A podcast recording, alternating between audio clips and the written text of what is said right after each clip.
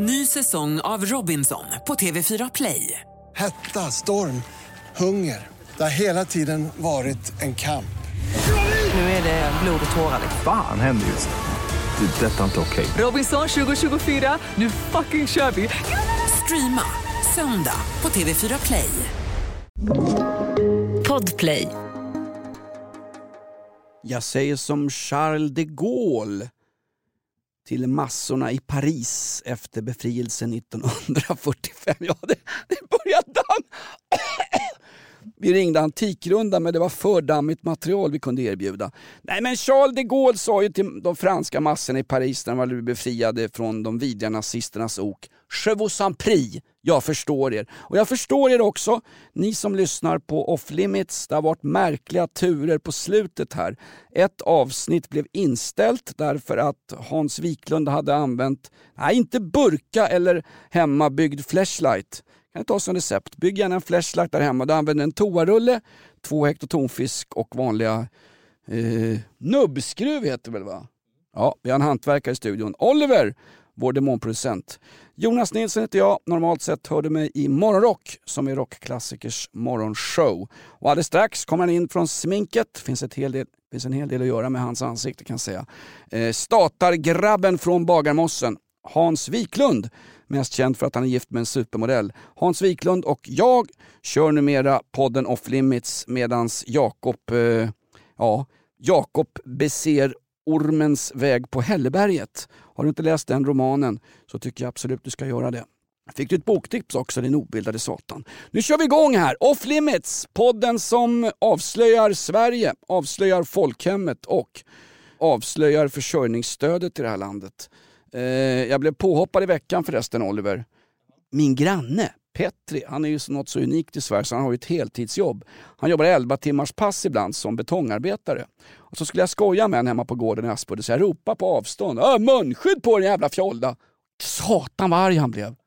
Han blev jättearg. Och det var ju som jag, jag och min Tourettes, min galopperande ADHD-damp. Jag tänkte mig inte för, jag skulle skoja. Så han går fram till mig. Vad säger du för någonting? Sorry, så ta det lugnt liksom. Vad säger du? Jag har jobbat i 11 timmar. Vad gör du själv? Din skitsnackare, din snackpåse. Jobbar du kvar på den här tramsradion? Han, han stod och läxade upp mig och jag kände, jag kände ungefär som när Olof Palme eh, satt och skulle försvara att Arne Geijer hade legat med luder i Geijeraffären eh, sent 1970-tal. Jag kände, herregud, han har ju rätt. Man är ju ingenting, man är nobody. Men en nobody ska få en plats också i folkhemmet. En nobody på engelska, ja det blir ju a dead end job. Glöm aldrig vad de säger om dead end jobs. Alltså snackpåsar i England. The dead end jobs. Dead end jobs got football, boxing or rock and roll. If they're any good at, they save them from the dole. But even if you make it, certain people will say you're still no good and you'll be no other way. Det blir inget annat. Man är en nobody. Det här är Off Limits, nu kör vi. Den här veckan tar vi upp bland annat världens gulligaste och ensammaste elefant som nu får komma till Pol Pots förlovade land. Nej, han åker inte dit med Jan Myrdal, han åker ensam den här elefanten. Han heter Kavan.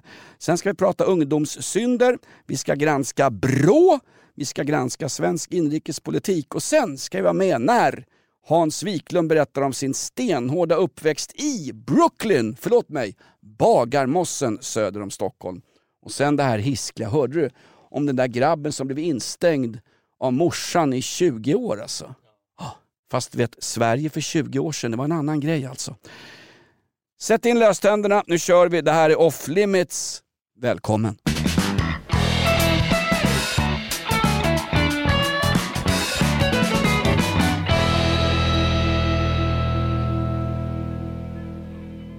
Oliver. Ja, det gör vi. Kom igång, vi är på taket här ju.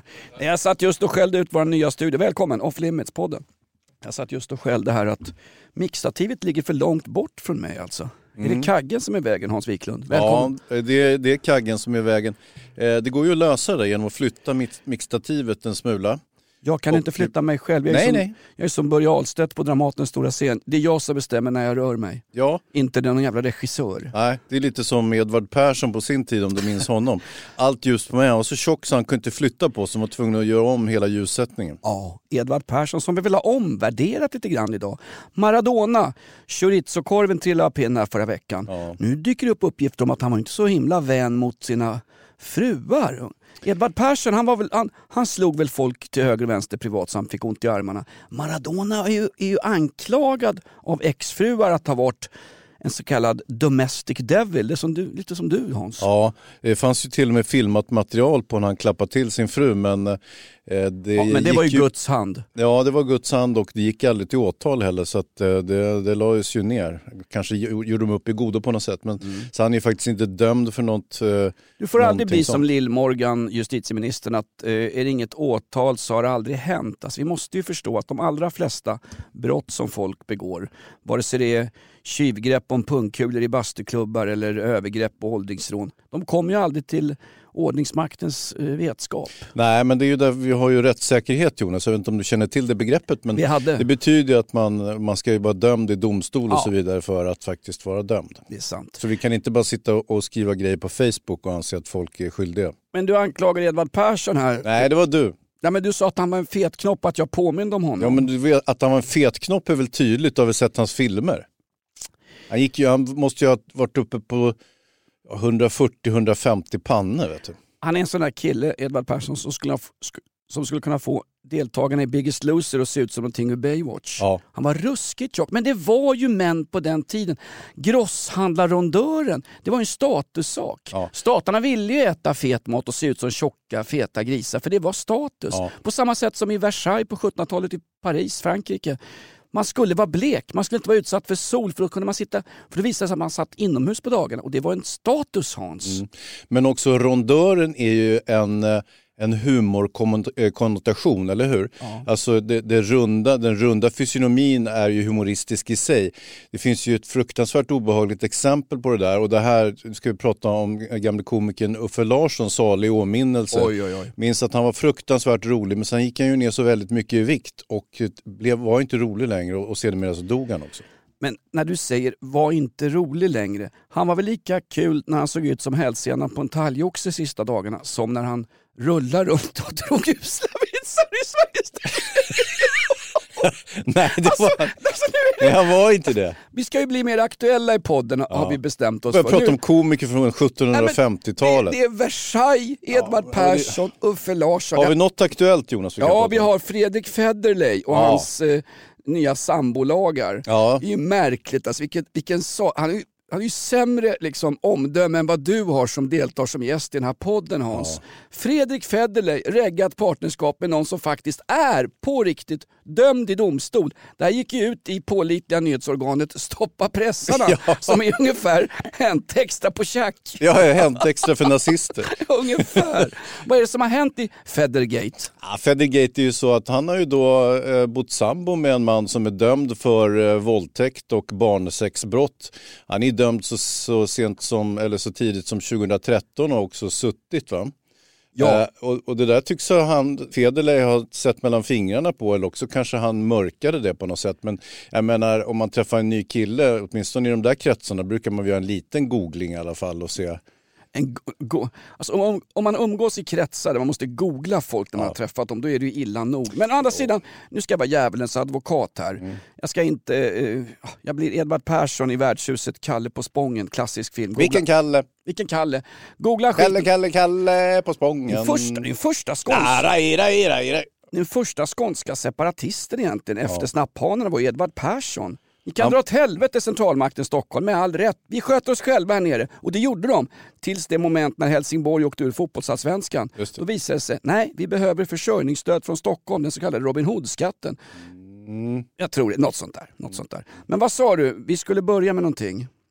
Ja, Federley, jag ska Ja. vara djävulens advokat här. Just det, det var det det skulle vara. Det är ju inget brott att leva tillsammans med en person som är dömd för läskiga brott men som har avtjänat sitt straff. Du snackar alltid om din förbannade rättsstat, den har jag Ja. slutat tro på. Ja. Men i en rättsstat är man ju faktiskt oskyldig när man avtjänat sitt straff. Då är det ett blankt papper, då är det carte blanche igen. Ja, oskyldig är man ju inte, men eh, man har ju avtjänat sitt straff förvisso.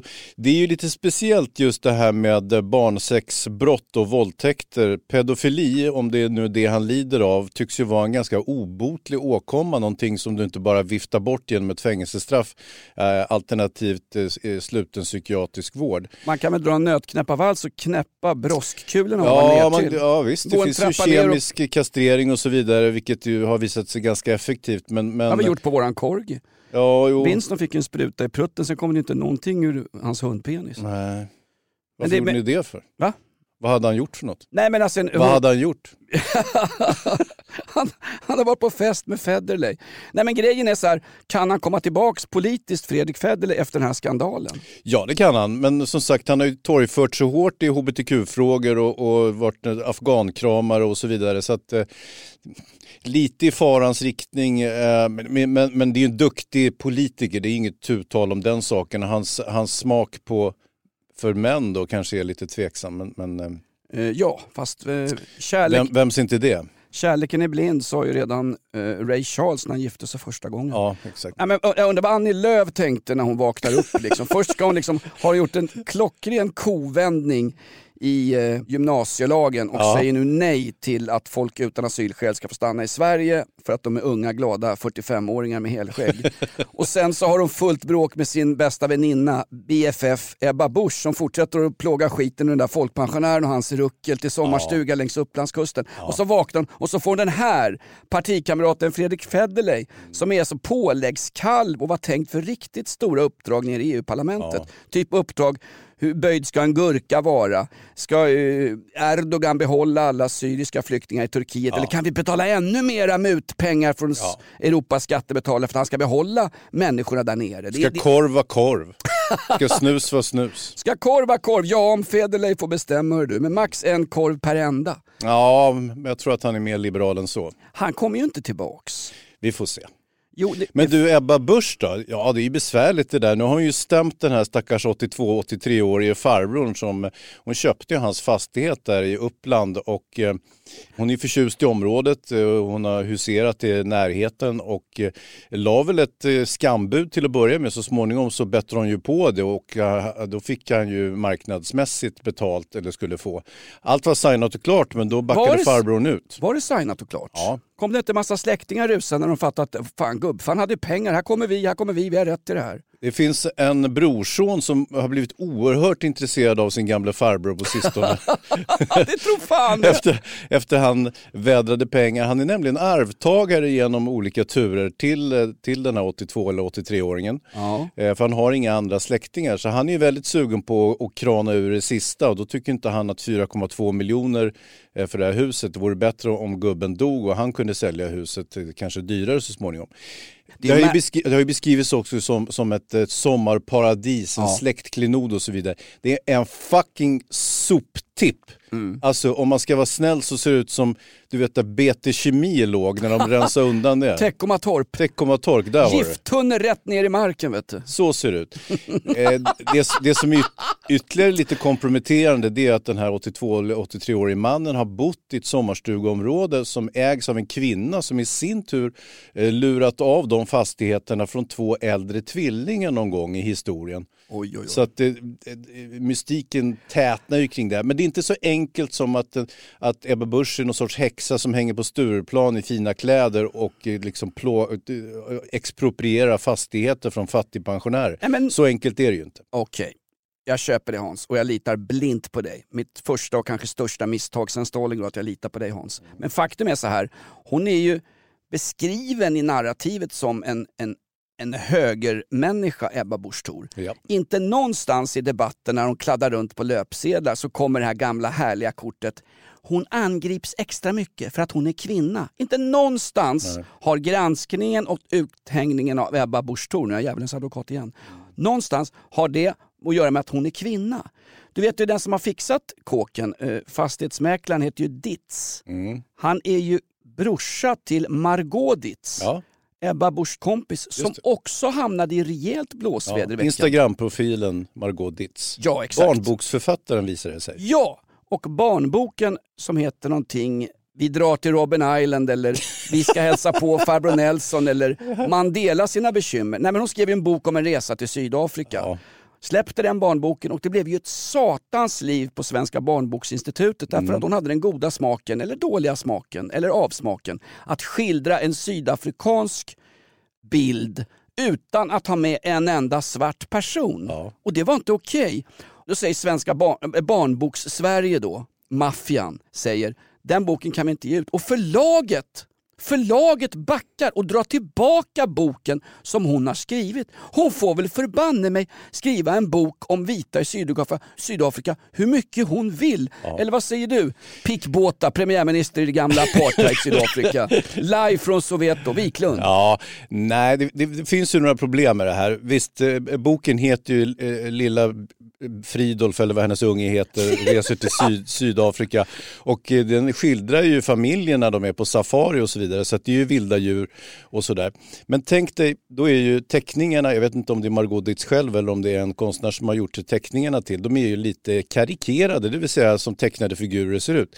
Tänk om man hade haft lite svarta personer med där som hade då sett ut som Hergés Tintin i Kongo. Oj. Eh, Det hade kanske blivit Eller en... Astrid Lindgrens, frid över hennes minne, hennes Hubbeknubbar eller vad de heter, de som inte, Kurredutterna. de som inte kör foodora bilar utanför Willeville, utan de som bor på öar i Söderhavet. Ja, precis. Hurrekurredutterna. Ja, då hade det kanske blivit ännu värre. Så att jag tror att hon eh, gjorde ett medvetet val där. Sen är det väl som så här också. Hon har tagit familjen till Sydafrika, avdragsgill resa för en författare. Skriver, hasplar ur sig den här boken lite på, på, med vänsterhanden. Det här är ju mina privata teorier, det är inte säkert att det är så här. Det är därför du sitter här Hans. Du har ingen annan anledning. Det är skitdåligt betalt, kaffet smakar piss och vi är knappt packade. Du sitter här för dina privata åsikter. Och vet du vad? Jag älskar dig för dem. Jag älskar dig som Kalle på Spången älskade sitt värdshus. Ja. Så att, eh, en konklusion på det där det är att eh, Ebba Busch Thor, den lilla giftblåsaren och hennes läskiga kompis i, i bloggvärlden är inte bara, lurar inte bara äldre människor utan också skattefuskare och rasister. Ja, men det är ju PR-tekniskt fullständigt det är ett genidrag. Det är mer genialiskt än när Zlatan tryckte upp en tröja eh, med Party-Janne är rasist, jag vill spela i blågult. Alltså, bara komma upp på världskartan. Alltså, vem, vem är inte intresserad av i, i kulturbarnbokssverige att, att se den här boken, att läsa den? Jag är jättesugen. Nu har ju ett fegt förlag faktiskt dragit tillbaks den. Ett förlag ska ju försvara sin författares rätt att skriva vad den vill. Bla bla bla. Je suis Charlie Hebdo eller Börje Salming. Jag trodde aldrig man kunde bli så här bra, glad av ett tyngdtäcke. Kan jag så stor skillnad? Ja. Nej, men jag, jag tror det finns ju en tolerans. Jag hittade ju Mein Kampf i paperback på Akademibokhandeln. Då borde de väl kunna få in Margot Ditts barnbok också, inte sant? Jag vill poängtera, det finns inte en enda svart person eh, på bild i Hitlers egen godnattsaga Mein Kampf, som för övrigt är en fruktansvärt usel roman. Och den Hans, Och inga bilder va? ta inte med den på semestern och lägg och läs i någon jävla solstol i Buchenwald eller något sånt där. Därför att eh, den är förbjuden i Tyskland. Är det? Med all rätt. Den är förbjuden av, eh, på grund av att, att hela boken anses vara hets mot folkgrupp. Som Pippi Långstrump i Söderhavet i Sverige. Ja, på vissa bibliotek i Skärholmen i alla fall. Exakt. Det här är ett betalt samarbete med Villa Fönster. Du behöver lite mer tryck nu Jonas. Tryck! Villa Fönstersnack med Linnea Bali. Villa, villa, fönster, fönster, fönster med Bali, Bali, Bali. Jonas, nu tänker jag lära dig lite om Villa Fönster. Lär mig baby. Villa Fönster är en rikstäckande leverantör av fönster och dörrar till dig som konsument och byggföretag. Och vet du vad Jonas? Vadå? Jag har en spaning. Ja. Det som gör dem så unika är att de har Sveriges bästa leveranstid. Ja, det går undan har jag hört va? Ja, det gör det. För man tänker kanske som konsument så här, åh nej, det här kommer ta så lång tid. Men inom tre veckor alltså så har du ett svenskt nyproducerat fönster som är redo för omgående avhämtning eller leverans. Oj, oj, oj, inom tre veckor. Är det inte så också, jag har hört ryktena, de har Sveriges största fönsterlager va? Ja, med 500 olika varianter av fönster. Och eftersom de allra flesta av oss vill ha olika storlekar på fönster så kan Villa Fönster dessutom göra anpassningar såsom spröjs, spaltventil med mera. Oj, oj, oj Linnea, du övertygar här. Du vet inte vad en persedel är för någonting, men spröjs och spaltventiler. Här har jag nästan läst på universitetet om det här. Ja, och är det någon som har koll så är det Villa Fönster. Historisk referens här. Har du? Ja, alltid. Ända sedan 2008 så har Villa Fönster alltid haft visionen att erbjuda kvalitetsprodukter till rätt pris och kortast möjliga leveranstid. Ja, Jag är nöjd Men vadå? med vårt villa fönstersnack. Villa Fönstersnack med Linnea Bali. Villa, villa, fönster, fönster, fönster med Bali, Bali, Bali. Tack Villa Fönster. Ny säsong av Robinson på TV4 Play. Hetta, storm, hunger. Det har hela tiden varit en kamp. Nu är det blod och tårar. liksom. Fan händer just det. Det är detta inte okej. Robinson 2024, nu fucking kör vi! Streama söndag på TV4 Play. Ett poddtips från Podplay. I fallen jag aldrig glömmer djupdyker Hasse Aro i arbetet bakom några av Sveriges mest uppseendeväckande brottsutredningar. Går vi in med hemlig telefonavlyssning och, och då upplever vi att vi får en total förändring av hans beteende. Vad är det som händer nu? Vem är det som läcker? Och så säger han att jag är kriminell, jag har varit kriminell i hela mitt liv men att mörda ett barn, där går min gräns. Nya säsongen av Fallen jag aldrig glömmer på Podplay.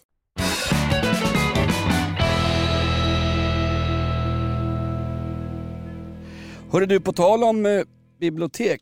Det var ju nästan så att barnböckerna gjorde revansch i veckan också. Djungelboken hörde du. Den här ensamma elefanten. Ja, Eh, vad hette den? Det var du som berättade det här för mig. Kav, kavan. ja kavan. Eh, Dra historien lite kort för vår korkade allmogepublik. Jo, men eh, lille kavan eh, skänktes eh, som en gåva från Sri Lanka till eh, Pakistan. Ja exakt. Och där Det, var, han det här är länge sedan. Det är Ja, det är innan länge sedan. Det här är- Pakistan började med kärnvapenmissiler och hota Precis, Indien. det här är 80-talet. Oj. Och sen har den här stackars Pelefant fått gå ensam i, i någon snuskig djurpark eh, alldeles för sig själv i år ut och år in. Och engagemanget för den här elefanten har ju ökat på ett närmast osunt vis. Både från djurrättsaktivister, och de brukar ju kunna engagera sig, men också från Cher, sångerskan. Just det, den gamla armeniska sångerskan Cher, mest känd för If I could turn back time. Hon är äldre än Versailles som var tidigare nämnt i den här podden. Ja, eh, exakt. Hon har är- kämpat Hon skulle via- kunna vara elefantens mamma. Nej, det kan hon inte för att Cher, kan på heder och samvete intyga, Cher gillar inte snablar. Hon är av lesbisk natur va? Va? Ja, hon är väl, sen hon hängde med, Men nu, säger man verkligen lesbisk natur? Nu låter det ju som, jag vet inte vad. ska jag säga lesbisk onatur då? Nej, men du vet. Det Ska låter jag skriva en barnbok med Margot Dietz? Det låter ju som, det låter som Jan Lindblad. Nu, Det låter som Sven Hedin.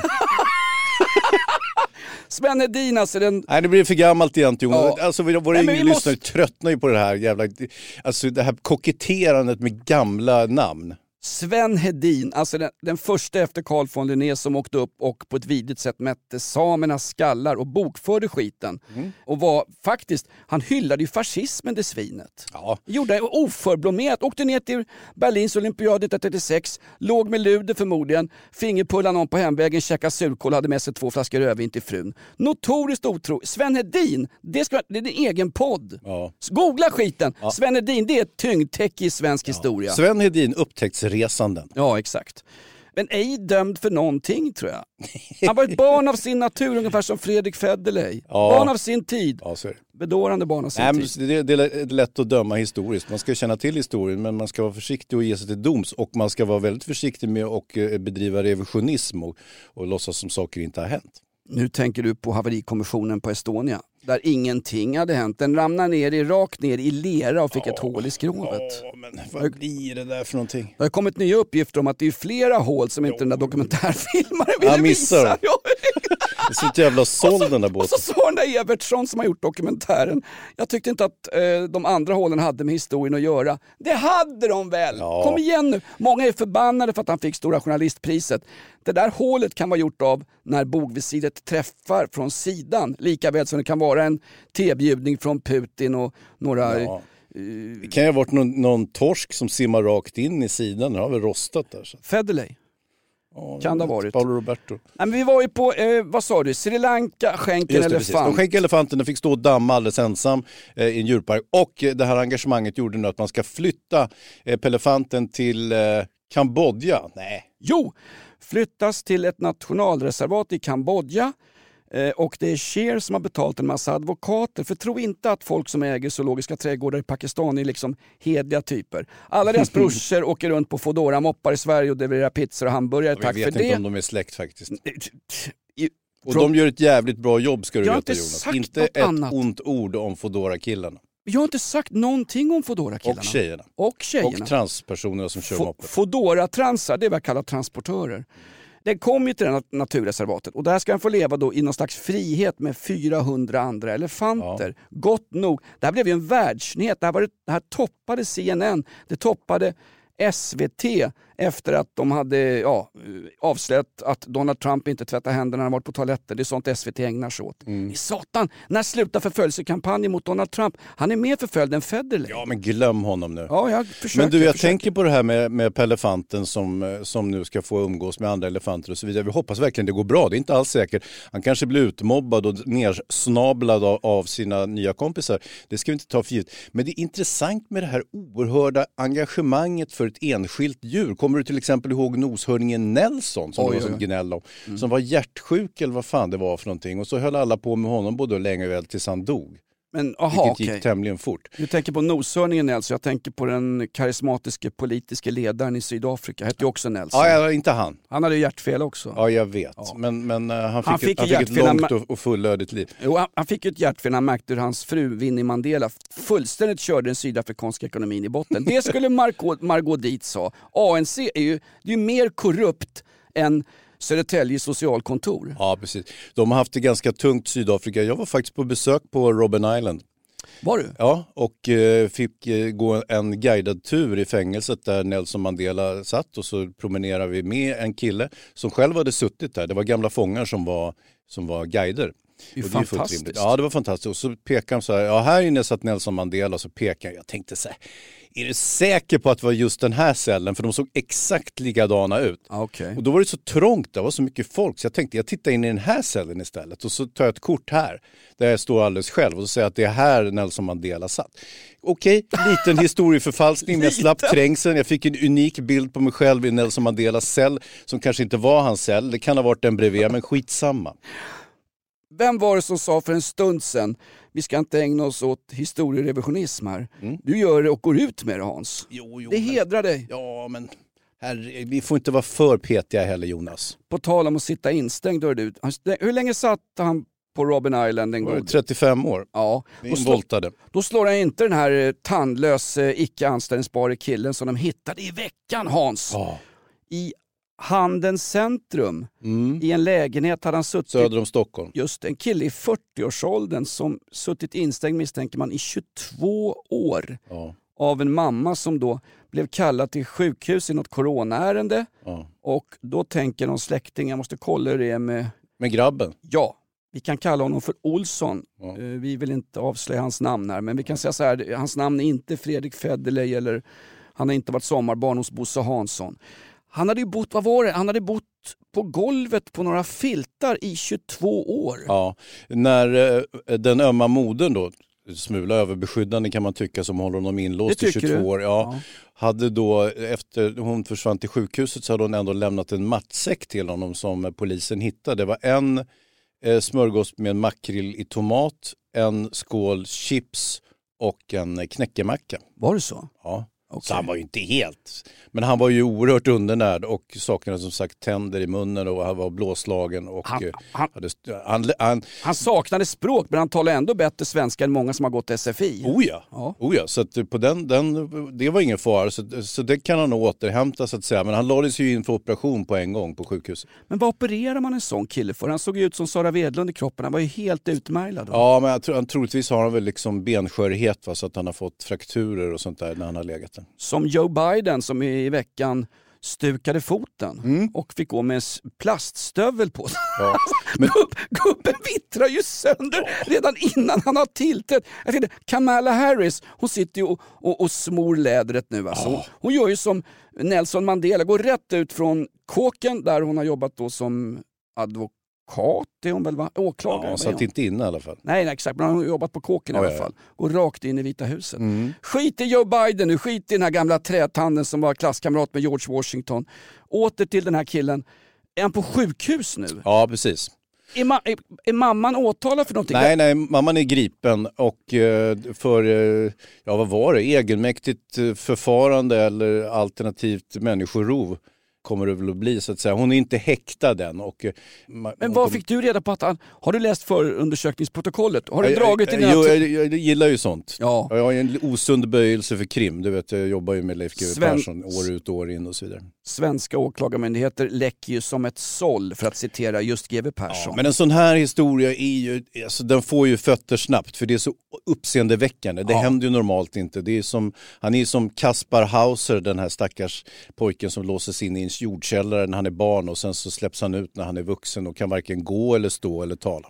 Werner Herzogs klassiska film. Ja, värd att se. Ja, precis. Den är gjord på så fint sätt att är det inte Kaspar Hauser, man, man får följa honom som en slags outcast eh, och han följer i sin tur den avvecklingen av det demokratiska Tyskland från 1926 och framåt. Va? Precis, så att hela hans historia blir som en allergi, äh, allegori för, över det tyska folket Mm. och så småningom fascismens eh, frammarsch. Just det, Sven Hedins grabbar. Du, eh, jag tänkte på det. De låste in alltså honom för 22 år sedan, den här stackaren, i den här eh, lilla lägenheten med sin mamma då. Han gick i skolan och hon tyckte inte att det var en lämplig miljö, kärringen, så hon släpar hem honom och sätter honom hemma istället. Ja, och skolan är ingen lämplig miljö på många händer ska du veta, så hon var inte helt fel ute. Nej, du, du hade ju funderingar på att du skulle låsa in dina ungar. Ah, nu är det ju för sent. Jo, jag vet, men annars hade du gjort det. Han är stor som en bäst min grabb så jag skulle aldrig liksom kunna hålla ner honom. Så det, det fysiska motståndet går ju inte att över, överträffa. Nej. Nej men det roliga är, tänk de låste in honom. Då var det liksom God kväll på TV, Lasse Berghagen, det var Allsång, det var Bullerbyn, det var mjölk i skolan, det var fritt fram, det var ingenting. Det var skönt och man kunde köpa soppa för 10 spänn liten. Det fanns inga mobiler och skit. Unga var ute och lekte och kastade snöboll. De satt inte hemma och onanerade framför sina paddor. Nej. Det var en annan tid. Ja. Tänk dig att han kommer ut nu. Gängexplosioner, bidragsfusk. Ja. eh, Coronan. Ja, coronan. Ja. Nätverk i Södertälje, vägspärrar i Angered, Bosse Hansson, Jean-Claude Arnault, Ja. barnböcker utan svarta medborgare från Ja. Sydafrika. Han kom ju ut till en mycket, ett mycket, mycket sämre folkhem än det han lämnade. Så att jag vet inte, jag tror rätt vad det är så gör han som elefanten Kava. Han kryper tillbaks in i sitt lilla hål. Tror du det? Ja, varför inte Hans? Ja. Du, jag tänkte på att krypa in i ett hål. Du får gärna ta mig Hans, men först stänger vi av mikrofonen hör du. Här har du lite flytande milda margarin som sponsrar det penet- penetrationen Du ligger veckan. farligt nära sexuella trakasserier Jonas. Från vem? Fyra till sex år. Du, Är det så? Eh, kommer du ihåg det här bestialiska rånet i somras där två unga män rånade två smågrabbar på Solna kyrkogård norr om Stockholm? Är det rättegång precis nu? Precis, den började i veckan här. Det som gjorde att det här rånet stack ut lite grann det var att gärningspersonerna inte nöjde sig med själva rånet utan passade på att sparka, gräva ner, kidnappa och våldta sina rånoffer. Ett, ett ord som inte ens fanns när de låste in den här tandlöse killen i lägenheten i Orminge. Förnedringsrån. Mm. Det, det ordet kommer in i Svenska Akademins ordlista 2021 som våra nya ord. Förnedringsrån. Det fanns inte för fem år sedan. Nej, det är en ny ingrediens. Ja. Alltså, Brå, eh, jag, läser ju lite Brå-rapporter och sådär. Du, har en fri översättning till Brå, det betyder Brottsförebyggande rådet egentligen. Ah, egentligen betyder det bara regimens åsikter. Just det. Lite slarvigt. Lite Eh, här noterar man då att personrån mot unga under 18 har blivit vanligare i Sverige. Eh, De senaste fem åren så har antalet anmälningar, då finns det ett mörkertal givetvis också, eh, mer än fördubblats. Oj. Vilket ju är rejäla siffror. Och därutöver så har då eh, eh, de här inslagen av våld, våld och förnedring också eh, kommit till. Så det, det är liksom en annan typ av... Tre rån mot minderåriga, alltså folk under 18 år. Mm. Tre rån per dygn i Stockholms län kom någon siffra i veckan. Ja. Kan, du vedi, kan du verifiera? Vidimera det. Ja, det kan jag göra, det stämmer. Ja. Nu är det ju rättegång Bra, då. jag. Eh, rättegång, gärningsmännen då sitter och skakar på huvudet och fnissar och flinar och garvar, du vet som så, sådana här personer gör. Eh, De har inte varit med på det här och de känner inte till vad som har hänt och bla bla bla. Den ena är förvisso redan dömd för ett brott och borde ha suttit i fängelse när det hände. Men det var ju så trångt på anstalten så att han fick ju inte komma in då. Men vi skulle ju öppna fängelser utomlands tyckte Ebba Busch Thor, hon som skäl Ja, jo, det kan ju hon göra. Det, är, det var det mest orimliga förslaget hittills. Vi, vi har gott om plats i det här landet till att börja med. Hur som helst, och den andra gärningsmannen han var ju 18 år så att eh, han kommer ju få samhällstjänst även om han döms för våldtäkt och kidnappning och det ena med det andra. Samhällstjänst. Det, det vanliga Må- förklar- måla något, samhällstjänst, vi ska översätta lite snabbt till våra yngre lyssnare. Måla något förbannat plank i regi av någon målarfirma och sen går man därifrån och allt är frid och fröjd. Ja, det kan man säga. Ja, eller jobba på något dagis i värsta fall. Möjligtvis. Ja. Fast helst inte dagis, inte om man är dömd för våldsbrott. Men jag vet inte hur bra koll de har på det där. Den var, eh, och särskilt inte våldtäkt. Eh, den vanliga förklaringen till de här brottslingarna är att de är socioekonomiskt utmanade, eller hur? De bor dåligt, de har trasslig familj, ingen skola, ingen jobb, bla bla bla, inget roligt att göra på fritiden.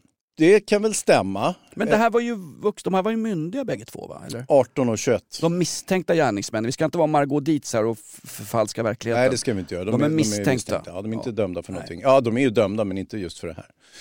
Jag gillar ju det här med att Brå ändå gör, liksom, sätter upp ett forskningsunderlag på det här så att man får reda på lite mer. Och det nya det är ju att man ska kontrollera ungdomsrånen eh, kontra etnicitet. Just för att få lite mer kunskap, få lite mer information eh, istället för det här vanliga slappa liksom, socialt utsatt eller socioekonomiska problem bla bla bla. Om någon eldar upp en bil så kommer någon i debatten och klaga på att det inte finns några fritidsgårdar etc. Om Exakt. bilen brinner måste vi först släcka branden, sen kan vi titta till varför någon jävel satte eld på bilen. Ja men lite. Har du hört förresten hur man firar första advent i Rosengård? Nej. Ställer upp fyra personbilar bredvid varandra och tänder bara eld på den första. Jaha. Glad advent. Eller motsvarande förut. Jag bor själv i ett utanförskapsområde så jag kan raljera, skoja om detta. Va? vet det är som Benke, Benke Ive kunde dra spritskämt i tv för han var själv alkis. Det är precis på samma sätt. Jag kan dra knubbisskämt, jag kan skoja med Edvard Persson därför att jag är fet. Jag kan skoja om träbenet Joe Biden. För du har tre ben. Har du träben? Mitt tredje är det. Jag är Sven-Gren. Nej men jag är ju gammal säger du ju. Ja, jag, ja, ja. jag, när de åldersbestämmer mig får de ta kol 14-metoden. Jag hade ju lätt kunnat komma som 14-årig ensamkommande till Kabul. Ja. Visst, jag, är- jag är ju gammal som gata men ser ung ut. Vad sa du Hans? De har, Brå ska utreda det här. Får jag gissa att vi får ett svar på det här 2029? Nej, 2021 så kommer det. Så det är snabb Way handläggning. Utav, ja men det tycker jag är bra. Då får man lite mer underlag. För annars blir det ju bara att politiker gapar och skriker om längre och hårdare straff. För det är det enda de kan komma på. Men det finns ju ingen som helst liksom, forskningsbakgrund. Det är inte evidensbaserat som man säger. Nej men det är någonstans eh, inte evidensbaserat att, det är, att man inte ens sitter häktad i Sverige, alltså inlåst efter grova våldsbrott. Därför kommer de här grejerna i våra tabloider ibland.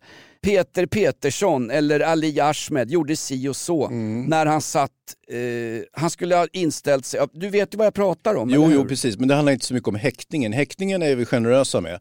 Folk sitter häktade både länge och väl.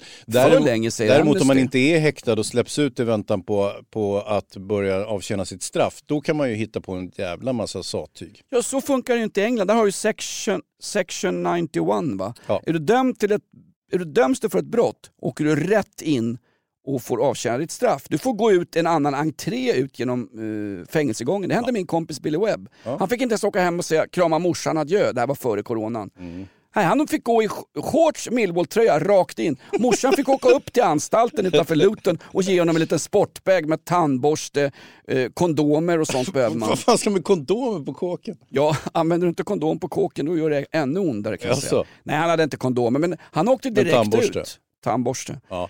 Men som i, sagt... I Sverige får du ju välja när du ska sitta av ditt straff. Det är ju ett förbannat jävla jamsande Hans. Ja, jo, jo, jo, jo, jo, jo, jo, ja, ja, ja, ja, ja. Men Kan du, sit, kan du sitta vecka 41? Nej, vet du, har vi hyrt stuga på Åland jag och familjen. Du. Vecka 42 skulle det fungera. Nej, Då ska på hemlandet till semester. Semester Ja, i kan hemlandet. du. Jag ska åka till min kompis, han är försvarsminister i Irak och erhåller försörjningsstöd från svenska staten. Jo, jo. Ja, Någonstans, lås in skiten, kasta bort nyckeln. Ja, jo, jo, det där är ju enkelt att säga. Jag hör vad du säger. Så att Ja, säga. Men det- blir hur som helst, jag, jag omfamnar den här brås, den här forskningen på etnicitet. För det, det är ju meningslöst till exempel att sätta in åtgärder mot svenska fattigpensionärer för att de är ju väldigt underrepresenterade vad gäller som gärningspersoner i ungdomsrån. Framförallt är de döda och ligger på coronamassgravar utanför äldreboenden. Besöksförbud mitt arsle, det funkar ju inte. Nej. Ja, vad sa du? Vad tråkigt där. Nej men vad... Nej, nej, nej det, var, det var bara det. Och eh, vad, det- vad kommer det att ge då när undersökningarna dimper ner på, på eh, skrivborden eh, eh, 2021? Ja, att invandrare är överrepresenterade i all grov brottslighet, i Men nu. synnerhet den här. Vad är du får definiera invandrare för det där är också slarvigt. Det Det där som inte kan, de, de andra som inte är etniska svenskar brukar man lite slarvigt översätta det med. Jo men är det inte så?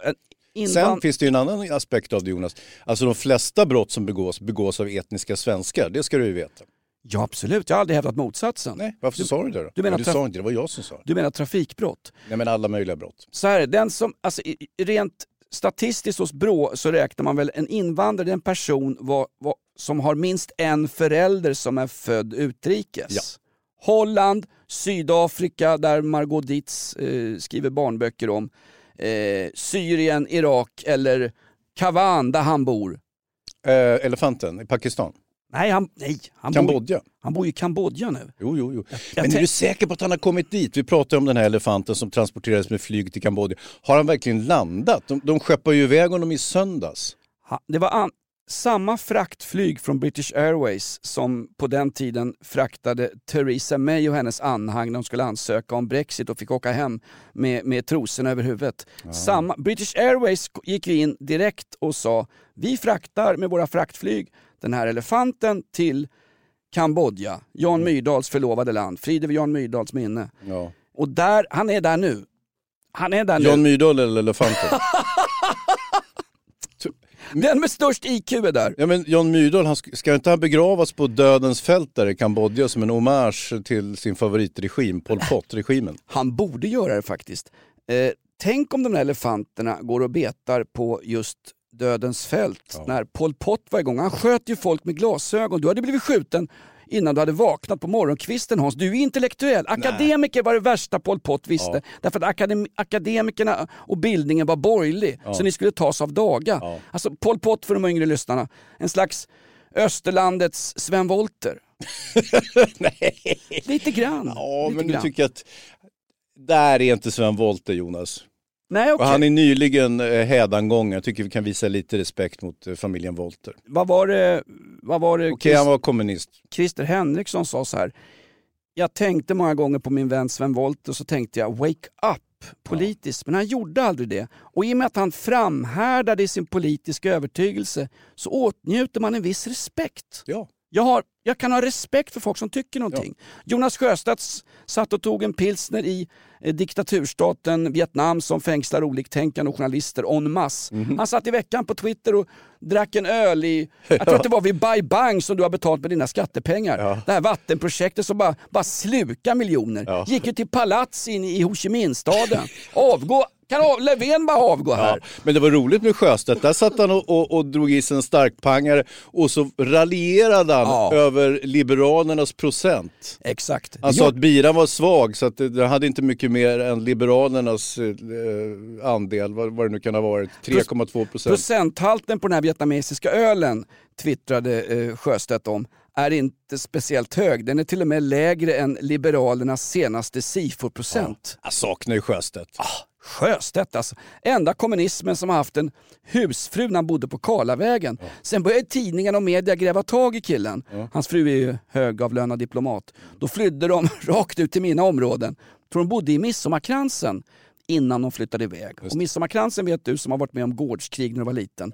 Det är Aspuddens edsvurna fiender. Det är som SA mot bolsjeviker på Berlins gator på 20-talet. Aspudden mot kransen. Kraftiga bråk där Hans. Bagis, ni slogs väl mot Farstapack va? Nej, jag slogs med varandra. det var ingen ordning alls. Det var precis, grejen var så här, i. Bagarmossen var det precis som det är nu för tiden. Vi blev utsatta för ungdomsrån. Det var bara det att vi, ingen hade ju pengar så vi fick bara spö av invandrargäng. Men jag behövde inte betala för kalaset. På tal om ungdomsrån, jag kommer ihåg när skinheadsrörelsen var igång tidigt 1980-tal.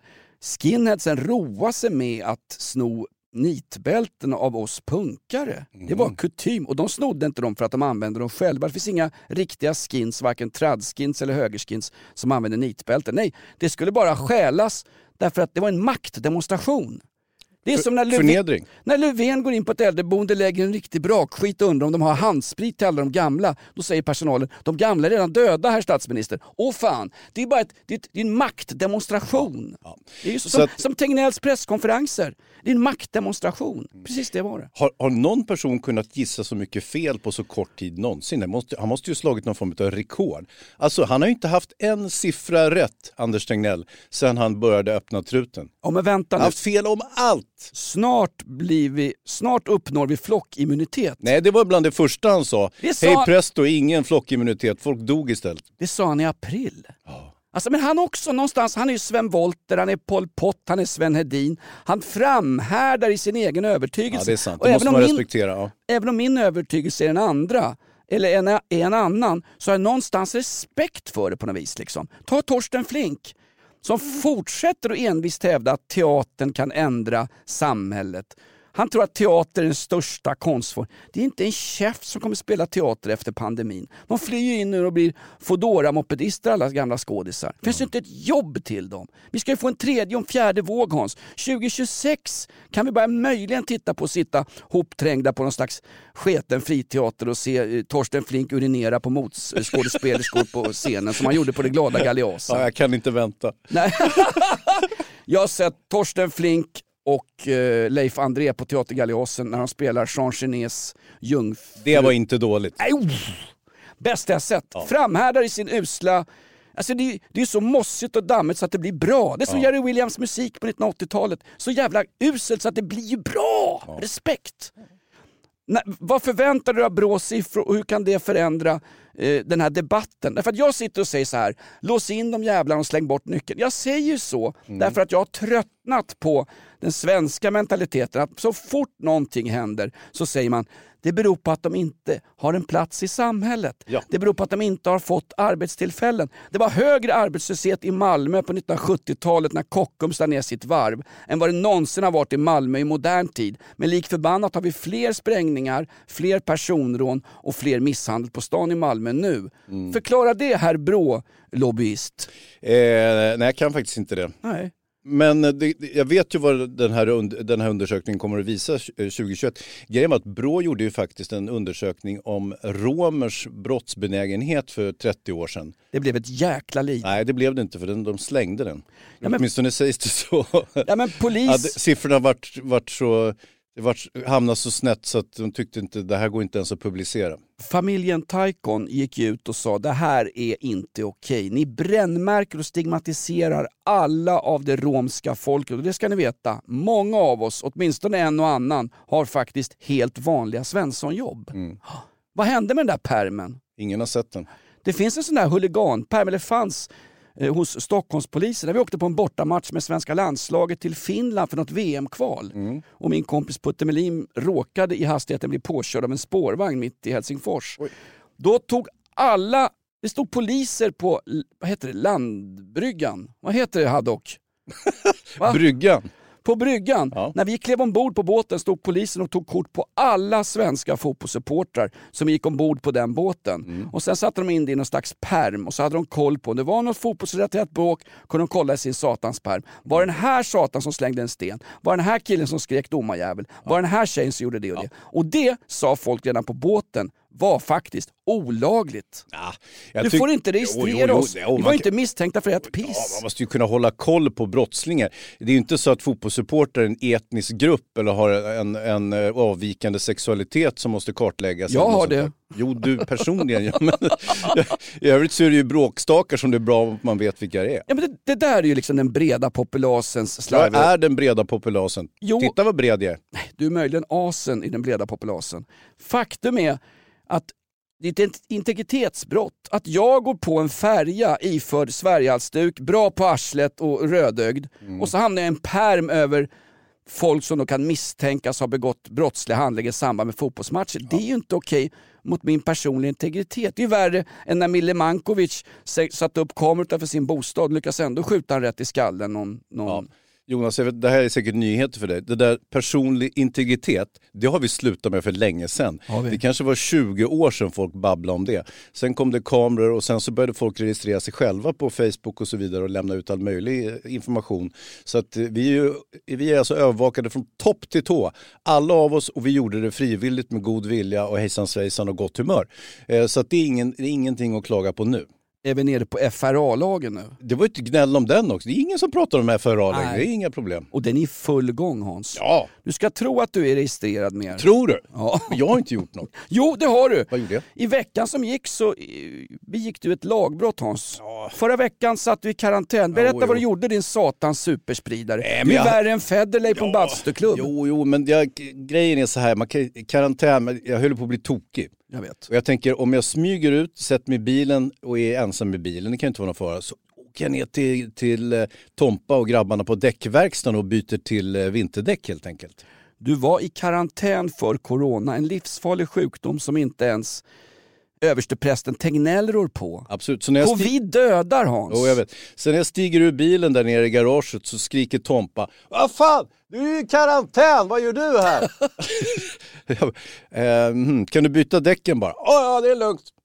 Det är tuffa killar. Ja, de är ju stenhårda. Det är gamla raggare hela bunten. Exakt. Gör som raggarna, samåk, hångla i baksätet och byt avgassystem på frugan när så behövs. Eh, Men du får ju egentligen inte lämna hemmet när du har karantän så att det är ju... Finns det bevis på det här? Nej, nej exakt. Hade vi haft kameror överallt och inte frälst av den heliga integriteten. Alltså, det kan du säga till folk också ute i eh, förort och sånt som mår dåligt. Som är rädda för att gå från bilen och hem därför att det finns ungdomsgäng som ska piska på dem. Mm. Hade vi fått sätta upp kameror kanske de hade blivit tryggare. Vi har ansökt om att få sätta upp kameror i vårt garage nere i Aspudden. Där är ju allsköns tandlös slödder inne och hämtar grejer lite då och då. Vi får inte sätta upp kameror Hans. Nej, men det är också... Det, det, Integritetskränkande! Nej, men det är inte det. Alltså integriteten, precis som jag sagt till dig Jonas, den finns inte längre. Den har vi gett upp. Däremot så kan du ju då bli filmad när du blir våldtagen och, och slagen nere i parkeringsgaraget och så kan den där filmen sen användas för ytterligare förnedringssyfte.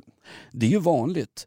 Hette han inte, vad hette han den här byn, den där rapparen som blev nedpissad? Mm, nej, det var inte han, det var inte Yasin Byn som blev Jaffar. nedpissad. Nej, nej, nej. Jaffarbyn. Nej, Nej, var nej vänta, Bullerbyn hette han. Nej, nej. Jag Det var en annan rolig- rappare från Dalen. Jag kan en rolig historia. Vet vad alla... Einar. Vet... ja, jag vet. Det, är så härligt. det är så härligt skogsaktigt. Han hette Einar. Han kom från de djupa skogarna. Han tog vem som helst med knogarna. Var det inte ett PR-trick när han blev nedpissad Einar och sen i samband med det släppte en, en raptext om just någonting som skulle kunna få Mm. Sebbe Stax att svimma? Nej, det undrar jag. Nah, det, där, det där var inget PR-trix. Okej då. Hur som helst, eh, jag kan en rolig historia. Var någonstans i Bullerbyn bor gynekologerna? Mm, nu ska vi se. I mellangården. Ja, det gör de ja. Det gör de ja. Mm, ja. Hör du Hans, Ja. vi har- vi har bett av det mesta hör du. Eh, jag skulle bara säga att eh, jag hade någonting om överste hatt i elefanter och skit. Just det. Jo, att Kavan nu är den mest kända elefanten i världshistorien efter överste Hatti i Rudyard Kiplings fantastiska nobelprisbelönta roman Djungelboken. Ja, eh, precis. Och eh, nu går han där på dödens fält i eh, Kambodja. Och Just det. nosar runt bland dödskallar och nyckelben och sönderslagna glasögon från intellektuella. Jan Myrdals gamla fillingar ligger i något, eh, i något risbeklätt kärr och då tuggar väl Kavan i sig också. Visste du det förresten att eh, Djungelboken, Mm. alltså Kipling var ju en del av det brittiska kolonialväldet. De, de har ju rivit hans statyer, han var ju en baggbölare och liksom såg ner på pakistanier och indier. Då, var- På den tiden var det ett land.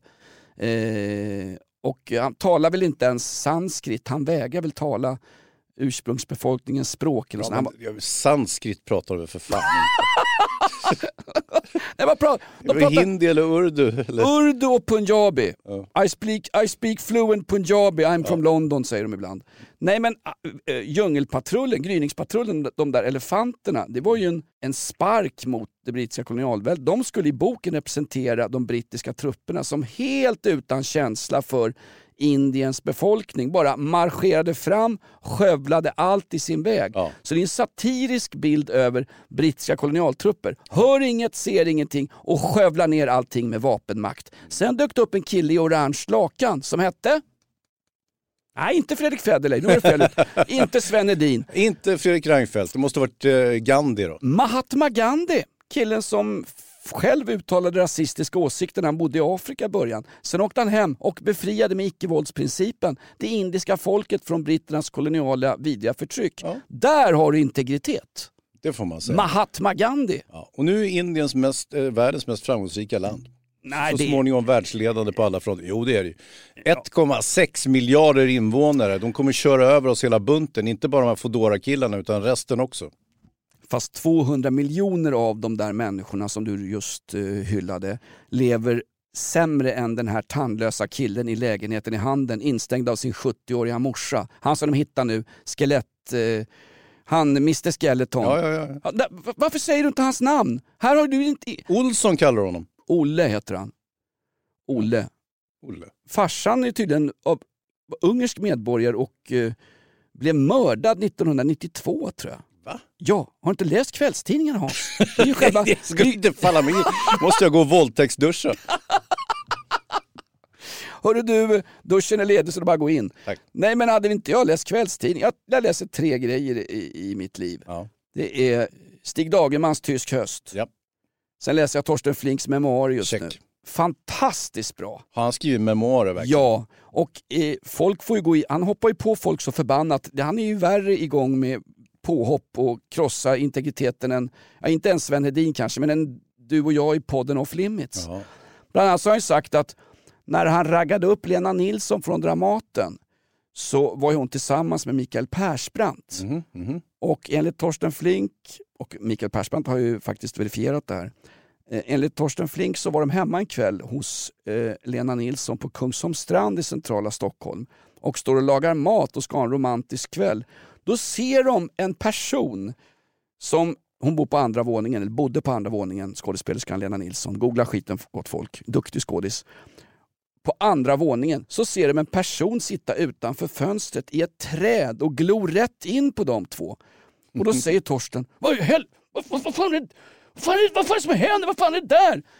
Det är min pojkvän, säger hon. Va? Ja, det är Micke. Är det Micke Persbrandt? säger Flink. Men det var ju slut mellan er. Ja, jag anser att det är slut, men Mikael har en annan uppfattning. Han körde taxi då, Micke Persbrandt, och berättar att han hörde talas om att Torsten skulle hem till hans, som han trodde eller tyckte var hans flickvän Lena Nilsson. Så han ställer taxin, går ner utanför hennes hennes lägenhet, klättrar upp i ett träd, vilket han gjort tidigare. Han är ju sjukligt svartsjuk Persbrandt. Och sitter och spanar rätt in där. Och i Torsten Flinks memoarbok, eh, Skratta åt Lilleputt eller vad den heter, så skriver Torsten Flink att Mikael Persbrandt var utrustad med ett gevär och sköt in mot lägenheten. Och det där säger Persbrandt i ett genmäle i själva boken. Ja, det där med gevär, Det kan han hitta på lite. det hittar ju Torsten på i sin alternativa fakta haschrusiga skalle. Men det är, en, det är en förbannat bra historia. Sen blev de ju bästa kompisar och, här knyter vi ihop säcken Hans, de gjorde ju fantastiska pjäser på just Teater Galeasen ute på Skeppsholmen. Micke Persbrandt föds ju som konstnär tillsammans med Torsten Flink, Leif André och fantastiska regissören Richard Günther ute på Galeasen! Va? Med asen på Galeasen. Ja, mot asen på galeasen va? Eller var det eh, oasen i Rågsved? Rockklubben Oasen i Rågsved. Med Oasen mot Asen. Något sånt där. Med Dasen mot Asen, Fredrik Federley. Okej, nu har du räknat upp två böcker. Var det ytterligare någon? Var det Kalanka eller? Nej, Bengt Liljegrens bok om Karl den XII. Ja, men, men, ja, jag, jag vet att det dammar lite. Mikaela hotar ju att lämna mig. Jag är ju gubb, helt gubbifierad. Vad gjorde du på 30 november egentligen? Gick du runt med svenska flaggan där ute i Aspudden? Eh, gjorde jag väl inte. Jag satte mig på bokcaféet i Aspudden. Jag är den enda som läser borgerlig litteratur på det bokcaféet. Det, är alltså, det är rödare än eh, Jan Myrdals eftermäle. Slår ihop din laptop nu. Ja, jag börjar tröttna. Vad har du själv för böcker hemma Hans? Du, är ju för fan, du har ju gått litteraturlinjen på Stockholms universitet. Ja, jag är akademiker. Jag har ju läst eh, litteraturvetenskap. Ja, och, eh, Och, och vad då? Hur hamnar du i reklamradiosmeten då? Ja, Med låga löner, bäst kaffe och en flashlight till julafton. Jag vet inte om du har följt min karriär men den har ju gått verkligen snett neråt sedan 20-årsåldern. Och nu hamnar jag här. Erkänn att du trivs. Här kommer ju demonproducenten Oliver. Ja, Vi sitter, just, av. vi sitter just och pratar om våra karriärer här hör du. Va? Det har gått sådär. Verkligen. Ni sitter ju här och spelar in den här podden. Jag säger som Robespierre, alltså han som skapade döden efter den fina franska revolutionen. Mm. Om du aldrig är någonting har du ingenting att förlora. Jag har aldrig varit någonting Hans, jag har ingenting att förlora. Nej, det stämmer. Nej, men du har ändå varit akademiker Hans. Du har haft glassiga tv-jobb, du har hånglat med Woody Allen berättar du. Ja, oj, oj, hångla är väl för mycket sagt. Du har, ju- du har ju dragit lina med Charlie Sheen. Lite, Ah. kanske. Äsch. Ja, Okej då. Tröskat va? Vad är det roligaste jobb du har haft Hans Wiklund? Nej men det är det här Jonas med dig. Oliver? Jag säger som, var det Lena P.O. eller var det hon som låg med Magnus Hedman, Linda Bengtzing? Han ljuger så bra. Ska vi sno ihop där och klappa ihop säcken tomtefar? Ja, jag tycker väl nästan det. Jag funderar på att färga skägget vitt. Varför? För att komma i julstämning. Snacka med Fedel, han har vit färg på beställning hör du. Vi har avhandlat det mesta. Tack för att du lyssnar på podden Off Limits. Vi ska byta namn. Vad har vi för namnförslag Hans? Eh, ja, vi har ju haft några, det, vi, vi vill ha något svenskklingande. Ni får gärna höra av er om ni har något bra förslag. Men eh, vi kan inte heta så här längre. Och vad heter den där killen som var här förut? Han eh, skämtaren. Ja, det är ju bråk mellan dig och Jakob Ökvist. Bråk och bråk. Tror man trådarna på Flashback så sitter du och tjejsurar över att Jakob Ökvist eh, eh, ja, vad är det som står på Flashback Oliver? Du som är Flashback. Oliver du spelar fin men du läser Flashback mer än vad du läser Veckans brott. Ja, så är det. Ja. Vad står det på Flashback om oss?